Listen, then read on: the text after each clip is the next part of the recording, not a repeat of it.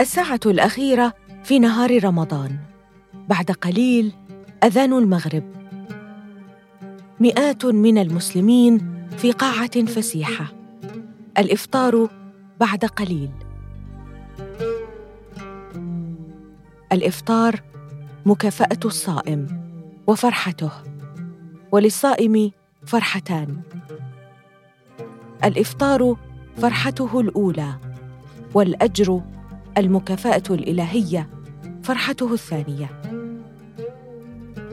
والصيام بحد ذاته مكافأة مكافأة معنوية تحرر الجسد من حاجاته وتمد حواسه خارج البدن لتشعر بإخوة لك في الإنسانية. وفي انتظار الأذان يجلس مئات بخشوع. ويمتد صف طويل في انتظار الدخول إلى قاعة الإفطار. تقترب صبيحه رحمن من شاب مسلم كان ينظم عملية الدخول. تقول له إنها تسجلت وزوجها للمشاركة في حفل الإفطار. يعتذر الشاب المتطوع يقول إنه لا يجد اسمها في قائمة الحضور. تشعر بالحرج. الإفطار بعد دقائق. غير بعيد يقف متطوع آخر. كهل. سمع المحادثة واقترب. أهلا وسهلا. تفضلي. يقول لها الكهل. تدخل صبيحه القاعة. تميل رأسها على كتف زوجها. وتهمس باسمة. لولا اليهودي لضاع علينا الإفطار. في طفولتها بباكستان لم تلتقي صبيحة بيهودي ابدا. الآن في نيويورك في أمسية رمضانية تجلس محاطة بمسلمين ويهود يتناولون معا وجبة الإفطار. وأين؟ في كنيس يهودي.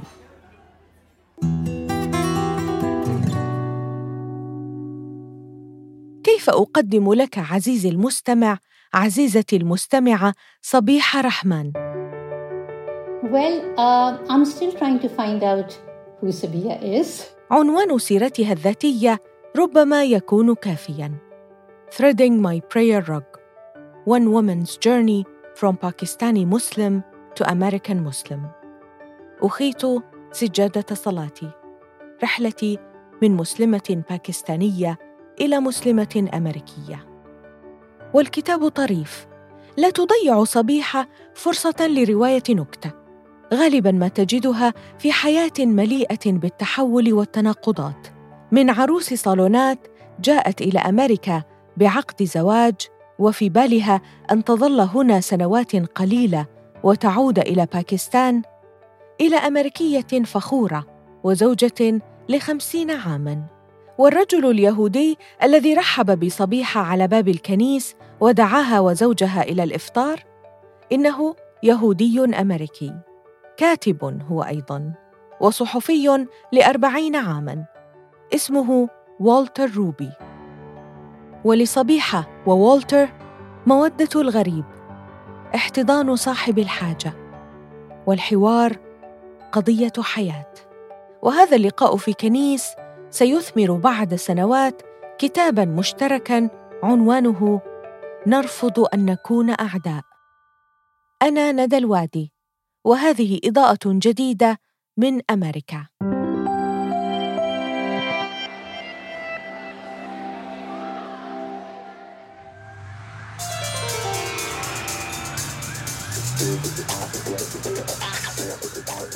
نيويورك في السبعينيات صبيحة رحمن مهاجرة من باكستان أم مسلمة شابة I had to deal with, with the culture shock. However, I very quickly settled down. تتعرف على جيرانها على الرصيف في انتظار حافلة المدرسة أو في ملعب الحي. It happened when I would be standing by the sidewalk chatting with my Jewish neighbors. أمهات يتشاركن المشاغل والاهتمامات والدردشات تطول وتتطور إلى لقاءات ودعوات إلى العشاء. I invited one of them over for dinner ماذا تحبون؟ أي طعام هو الأفضل؟ وصبيحة تكتشف أن إحدى جاراتها لا تأكل لحم الخنزير. كانت جارة يهودية إذن. لم تلتقي صبيحة قبلها يهودا قط. الجارة ودودة ترد الدعوة. لكن صبيحة تعتذر. Uh, I cannot come because it's Ramadan. What's Ramadan? إنه نهار رمضان تسألها جارتها ما هو رمضان تشرح صبيحة عن رمضان وهي سعيدة بفضول جيرانها تقول الأمريكيون مستعدون للحوار يحبون أن يسمعوا ويسمعوا That's the beauty of America. People are willing to listen and hear us out. ستقضي صبيحة عمراً في حوار الأديان لكن البداية كانت على أرصفة البيوت وعتباتها. And so those conversations by the sidewalk, um, with us standing on the lawn, ما شغل صبيحة حقا. كان مستقبل أبنائها في هذه البلاد الجديدة.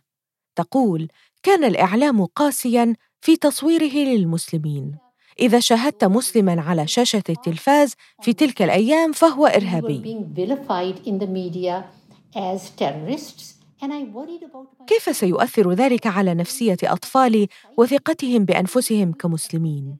هل أنتظر أن يعود أبنائي من المدرسة باكين ومتهمين بأنهم إرهابيون؟ تقول قررت وزوجي أن أفضل طريقة لحماية أبنائنا هي أن نسعى للتغيير كيف؟ أن تحاول أن تربط الإسلام في أذهان غير المسلمين بتجارب إيجابية Making Islam a positive experience for non-Muslims.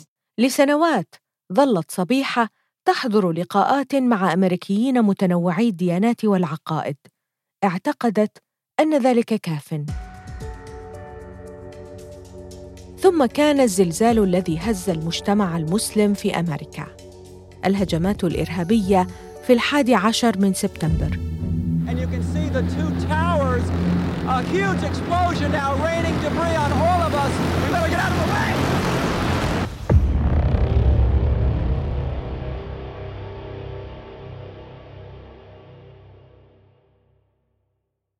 My father's family, which came from Russia, uh, basically نشأ الكاتب والتر روبي في مدينة بيتسبرغ التي كانت مركزاً صناعياً مزدهراً في غربي ولاية بنسلفانيا.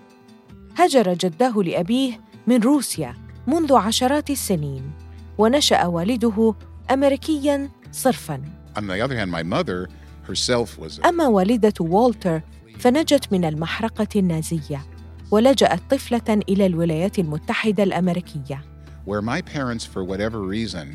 uh, عاشت العائلة الصغيرة في الخمسينيات في حي مسيحي أبيض لا أصدقاء يهوداً ولا كنيساً في طفولته احتفلت العائلة اليهودية بعيد ميلاد المسيح ولم تلتزم بالامتناع عن محرمات الطعام من لحم خنزير ومحار I knew I was different, but I didn't have the benefit of a, of a synagogue like this one to kind of to learn. aware that you were Jewish?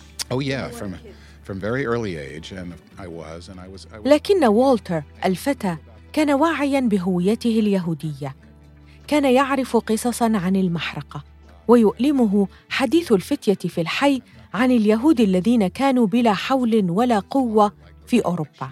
وعاب عليه الفتية بقولهم إن النازيين قتلوا قومه دون مقاومة.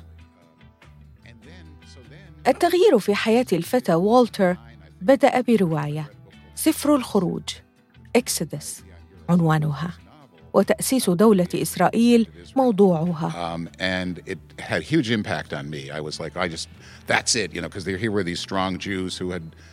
صار اليهود أقوياء اذا وامتلكوا زمام أمرهم. وهكذا شعر الفتى والتر بالزهو. ويا للصدفة السعيدة جاء والده بعد أشهر قليلة بخبر سينتقلون إلى إسرائيل. كان والده عالم فيزياء وحصل على إجازة تفرغ بحثي في معهد وايزمان في إسرائيل. شعر والتر هناك بالسعادة والانتماء بل وأراد البقاء. لكن والدته رفضت وعادت العائلة إلى أمريكا.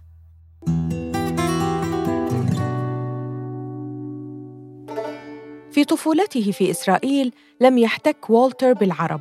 ولم يعرفهم. يتذكر موقفا واحدا التقت فيه العائلة ببدوي كان يركب جملا. كان يحكي لي القصة ووجهه يحمر خجلا. عرف أن الذاكرة انتقائية وأن الحكاية كما شاهدها بعيني الطفل مليئة بصور نمطية. كبر والتر يراوده حلمان. أن يعود إلى إسرائيل وأن يصبح كاتبا. It was only later that I went back to um, many years later. I mean, when I was in my 20s, my 26, 27. تمر السنوات. يصبح والتر الشاب صحفيا مراسلا في إسرائيل. هذه المرة سيحتك عن قرب بالعرب في إسرائيل.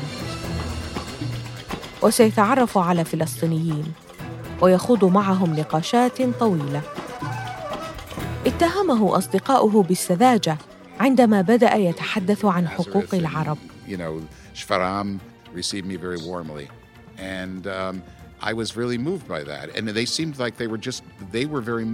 لكن والتر صار عنده حلم ثالث هو السلام. والسلام مسيرة طويلة ومليئة بالعراقيل. حتى جاء اليوم الموعود وتحقق السلام أو كاد so that our children, our children's children, will no longer experience the painful of cost of war. في الثالث عشر من سبتمبر من عام 1993 وقف رئيس وزراء إسرائيل إسحاق رابين ورئيس منظمة التحرير الفلسطينية ياسر عرفات في حديقة البيت الأبيض مد العدوان اللدودان يديهما وتصافحا. هذا الحدث التاريخي الذي يرقبه العالم بأسره. مرت سنوات التسعينيات مليئة بالتفاؤل. والتر مشارك بقوة كصحفي وكاتب مؤمن بالسلام بين الشعبين. حتى جاءت الألفية الجديدة فشلت جهود التسوية وانهارت أحلام السلام. شعر والتر بالإحباط.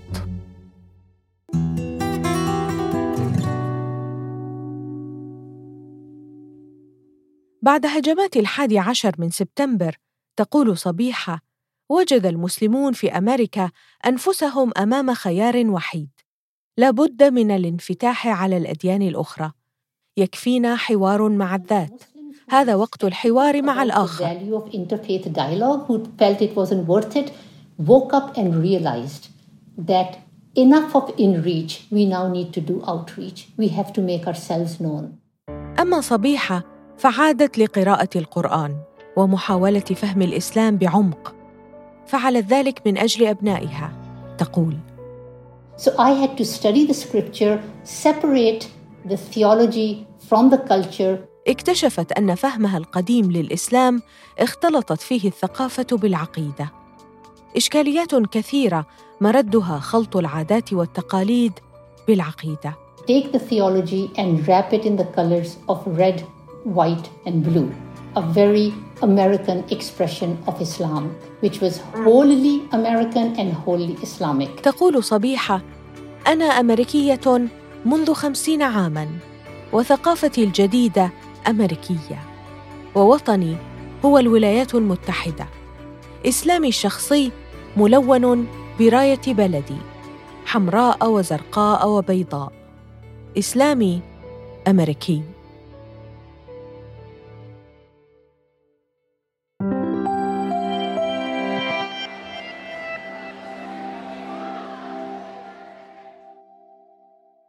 very crushed by the collapse of the peace process. لطالما فكر والتر المتدينون هم المشكلة. أنا علماني حتى النخاع. لم أذهب إلى الكنيس. التعصب الديني أفشل عملية السلام بين الفلسطينيين والإسرائيليين. كانت هذه هي قناعات والتر حتى العام 2006 جاءته دعوة إلى إسبانيا لحضور مؤتمر لحوار الأديان. حضر مئتان أغلبهم أئمة وحاخامات جاءوا من كل مكان من الضفة الغربية وغزة وإسرائيل ومن الدول العربية وأوروبا والولايات المتحدة. هناك اكتشف والتر أن الدين يمكن أن يكون جسراً للسلام. القيم واحدة الرسالة في صميمها واحدة. this wonderful communication between these imams and rabbis. They were so interested in learning about each other, and they were fascinated by that. We were finding all these commonalities, and then I, I suddenly said, "Well, wait a minute." When I was at this conference, I said, actually, the religious Muslims and Jews can be part of the solution, not necessarily the problem. بعد الإحباط من السياسة، عاد والتر إلى نيويورك، وصار منسقاً لبرنامج التفاهم الإسلامي اليهودي في منظمة يقودها الحاخام مارك شناير. My job was basically uh, there's a word in Yiddish and Hebrew called shadchan, which means matchmaker. And my job was really to be a matchmaker, so I would get يقول والتر إن وظيفته كانت تشبه وظيفة الخاطب أو الوسيط موفق الرؤوس وفق والتر بين مساجد وكنس في لوس أنجلوس وشيكاغو وأتلانتا وفي مدن أوروبية عديدة. حتى نجح في عقد اتفاقيات توأمة بين مئات المساجد والكنس يقول كان الناس إذا التقوني وسألوني ما هي وظيفتك وأجبت بأنني أوفق بين المسلمين واليهود يكون رد الفعل ماذا؟ لابد أن هذه أسوأ وظيفة في العالم. وعادة أقول بالعكس هذه أروع وظيفة في العالم. I said, no, I, I want you to know this is the best job in the world. This is the most wonderful job.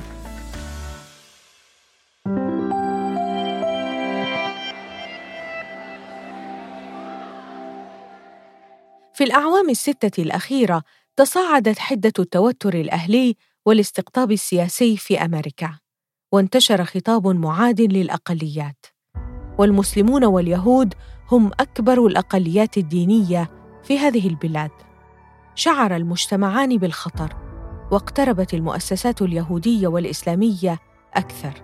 وقفت المؤسسات اليهودية بقوة ضد قرار إدارة الرئيس السابق دونالد ترامب بحظر سفر بعض الجنسيات إلى الولايات المتحدة من دول غالبيتها مسلمة. وتضامن المسلمون مع اليهود الأمريكيين في مواجهة جرائم معاداة السامية. وجد الناشطون في الحوار الإسلامي اليهودي أنفسهم في قلب هذه المواجهة. التقى والتر روبي وصبيح رحمن في عدة مناسبات دينية في نيويورك. من إفطار رمضاني إلى صلاة مشتركة إلى حفلات بالأعياد. ونمت صداقتهما من بذرة الإيمان بقدرة الكلمة على التغيير. ما رأيك أن نؤلف كتابا؟ اقترح والتر. وهذا ما كان. يقدم كتاب والتر روبي وصبيح رحمن. نرفض أن نكون اعداء. وصفة بسيطة للحوار. العنوان الفرعي للكتاب دال في تلخيص هذه الوصفة. كيف يمكن لليهود والمسلمين بالصداقة أن يصنعوا السلام خطوة بخطوة؟ تقول صبيحة تعلمت مبكرا أن ما يجمعنا أكثر بكثير مما يفرقنا وأن القضايا الكبرى حلولها تبدأ من أصغر المبادرات من الأحياء واللقاءات العائلية.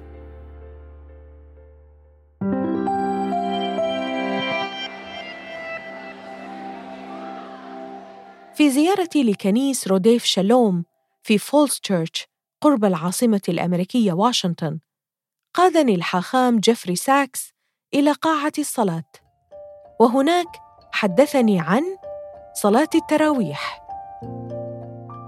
We have had um, prayer sessions where Muslims have prayed um, here on the carpet in the sanctuary. A, uh, a Muslim community with which we are close, called the McLean Islamic Center, um, was working on finding and purchasing a building for themselves, and they didn't have a good space for them to gather for the Ramadan prayers. So um, they came and used our space for two weeks out of the month of Ramadan. هنا يؤدي المسلمون في رمضان صلاتهم وفي قاعة المناسبات الاجتماعية القريبة كثيرا ما يلتقي أمريكيون مسلمون ويهودا في أنشطة مختلفة بعضها ذو طابع سياسي وحقوقي وأكثرها ذو طابع ديني. وهنا أيضا جاء مئات المسلمين للتضامن مع جيرانهم اليهود في صلاة مشتركة على ضحايا هجوم عنصري. يومها دخل مسلح كنيسا في مدينة بيتسبرغ. وفتح النار على المصلين صباح السبت. قتل أحد عشر شخصا. بعضهم من الناجين من المحرقة كان ذلك في السابع والعشرين من أكتوبر من العام 2018 توافد مئات من المسلمين واليهود والمسيحيين إلى هذا الكنيس قرب واشنطن للتعبير عن تضامنهم And it certainly happened in, in this congregation in a very moving way. It was a terrible event. But, um, but there was something very helpful and encouraging about the reaction. I was here that night. It was so many people here, and um, so many Muslims in that room. And there was one young man in his late 30s with uh, his two children. حدثني والتر روبي عما شاهده في الكنيس يوم التضامن والهجوم. And they were right next to me, and they were here, you know. So I, I suddenly looked at him because I, I thought about the children, and I said, I said something like, "Is this hard for those children to hear hear this?" And he said, "You know." Did you think about that when you, you brought them? And he said, Well, we, I, had to, I have to be here. حدثني عن أب مسلم أحضر أطفاله إلى الكنيس في ذلك اليوم الحزين. سأله والتر: أليس مشهدا صعبا على الأطفال؟ رد الأب: أريدهم أن يعرفوا أن واجبنا هو الوقوف في وجه الكراهية. أي اعتداء على إخوتي وجيراني هو اعتداء على عائلتي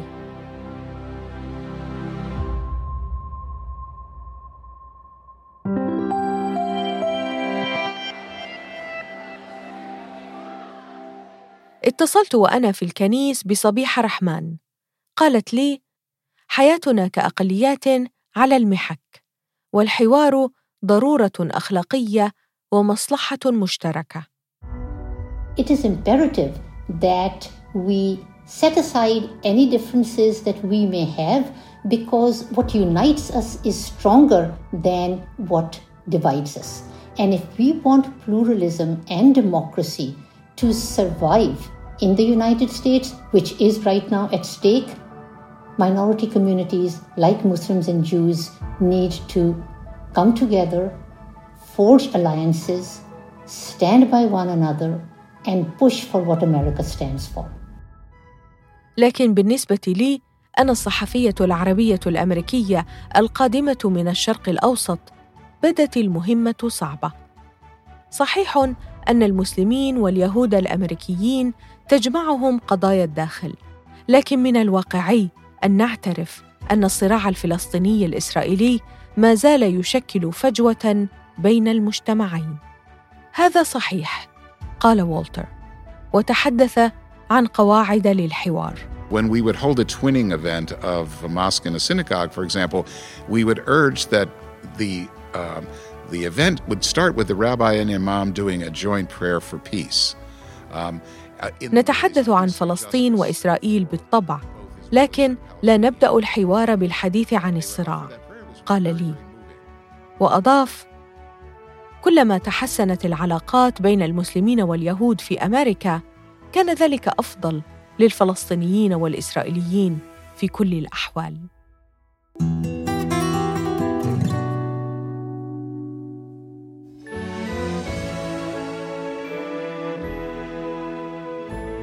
We brought a delegation of imams and rabbis from Europe here to New York and to Washington. To يحدثني والتر عن زيارة لأئمة وحخامات من أوروبا.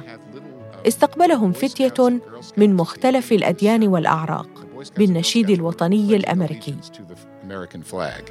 to the imams and rabbis from Europe, especially the imams, they were like astounded. They said, That's amazing. دهش الزوار الأوروبيون يقول لي والتر ففكرة الوطنية الأمريكية الراسخة فريدة جدا. أن تكون فرنسيا أو ألمانيا مثلا يعني أن تنتمي إلى تاريخ وفكرة وطنية محددة. لكن أمريكا بلد مهاجرين وفكرتها الوطنية قائمة على التنوع. الكل أمريكي بالقدر نفسه. That anyone from wherever they are, from whatever background, uh, it doesn't matter your ethnicity or can become uh, fully American.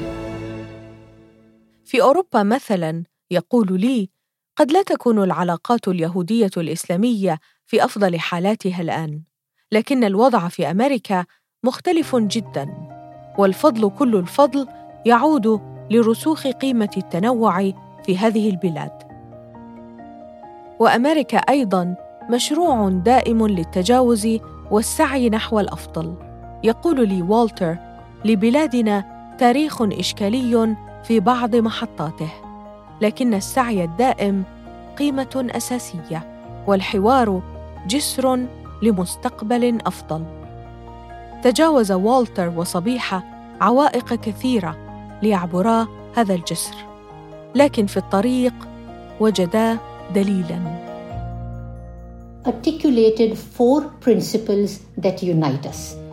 قدسية الحياة The first one is if you save one life, you save the world. احتضان الغريب The second one is welcome the stranger. Again, in the Torah and in the Quran, it urges us to welcome the strangers. الإصلاح في الأرض The third principle is Islah in Islam and Tikkun Olam in Judaism, which is about reforming and repairing the world. والتضامن And then the fourth one is standing up for each other. We need to stand up for one another, and we have done that. We have our relationships have reached a point where we are one another's defenders. يقولان إن الدليل واضح في القرآن والتوراة في أربع قيم أساسية يؤمن بها اليهود والمسلمون. قدسية الحياة احتضان الغريب الإصلاح في الأرض والتضامن. وجد والتر وصبيحة دليلهما.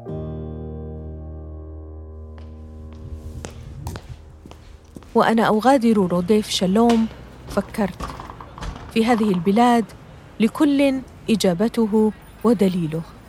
فأمريكا التي عرفتها تقبل كل الإجابات.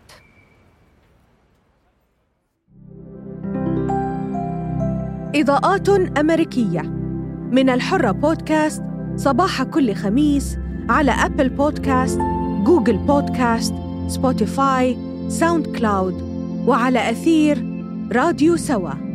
أنا ندى الوادي.